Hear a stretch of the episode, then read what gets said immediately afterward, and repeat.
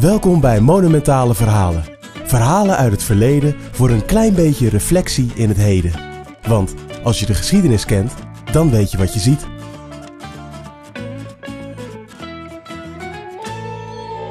De maan heeft al eeuwenlang een bijzondere aantrekkingskracht in volksverhalen. Wanneer de volle maan zich aan de hemel laat zien, is er een magische periode met huilende wolven, ronddolende witte wieven en mysterieuze rituelen. Je zou er bijna slecht van gaan slapen. Hoewel op aarde alles draait om de zon, is het de maan die het ritme bepaalt. De maan kan een complete oceaan in beweging brengen. De maan draait in een krappe 30 dagen rond de aarde en bepaalt daarmee onze kalender. Niet helemaal. Want door de eeuwen heen was het lastig om het jaar in te delen. Voor een volk dat leeft van de jacht of het hoeden van kuddes tot diep in de nacht, was de maan alles bepalend.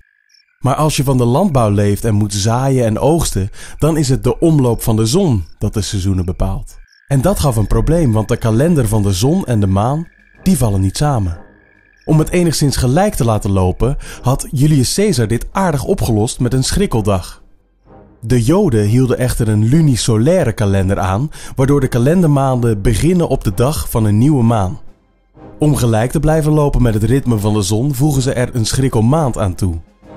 En dit is belangrijk, omdat de viering van Pesach altijd in de lente moet vallen.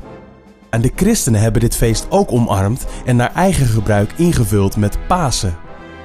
En hier begon de schoen te wringen. Want die feestdag wordt dus ook bepaald aan de hand van de stand van de maan.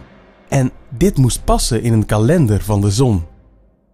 Duizenden jaren is er oneenigheid geweest binnen het christendom tussen orthodoxe en westerse kerken wanneer het paasdatum zou moeten zijn.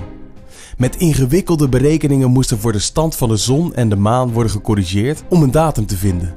Zelfs in 2015 sprak paus Franciscus zich nog uit om gezamenlijk Pasen te vieren. De regel luidt dat Pasen wordt gevierd op de eerste zondag na de eerste volle maan in de lente. En omdat de maancyclus afwijkt van onze kalender, verschuift Pasen dus. Het is best opmerkelijk dat de kerk zich zo laat leiden door de stand van de maan. Want lange tijd hebben ze willen geloven dat de aarde het centrum van het heelal is.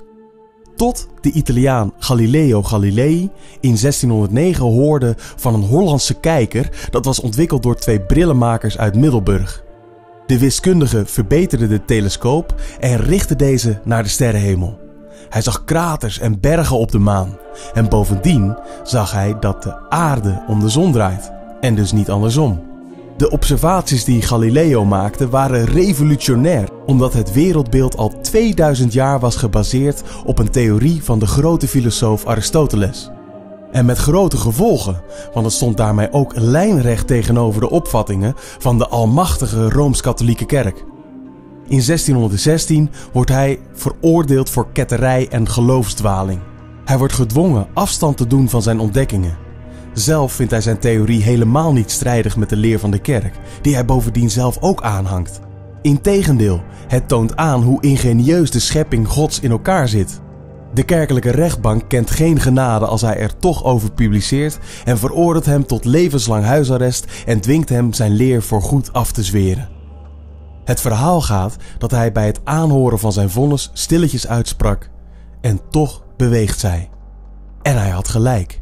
In een vast ritme draaien de hemellichamen om elkaar. Een ritme dat wij niet kunnen vangen in kalenders, uren en seconden. De kalender van de zon en de maan zullen nooit synchroon lopen. Maar de zon wint het van de maan. Alleen op zee voel je de kracht van de maan. En met Pasen. Dan merk je dat het de maan is die het ritme bepaalt.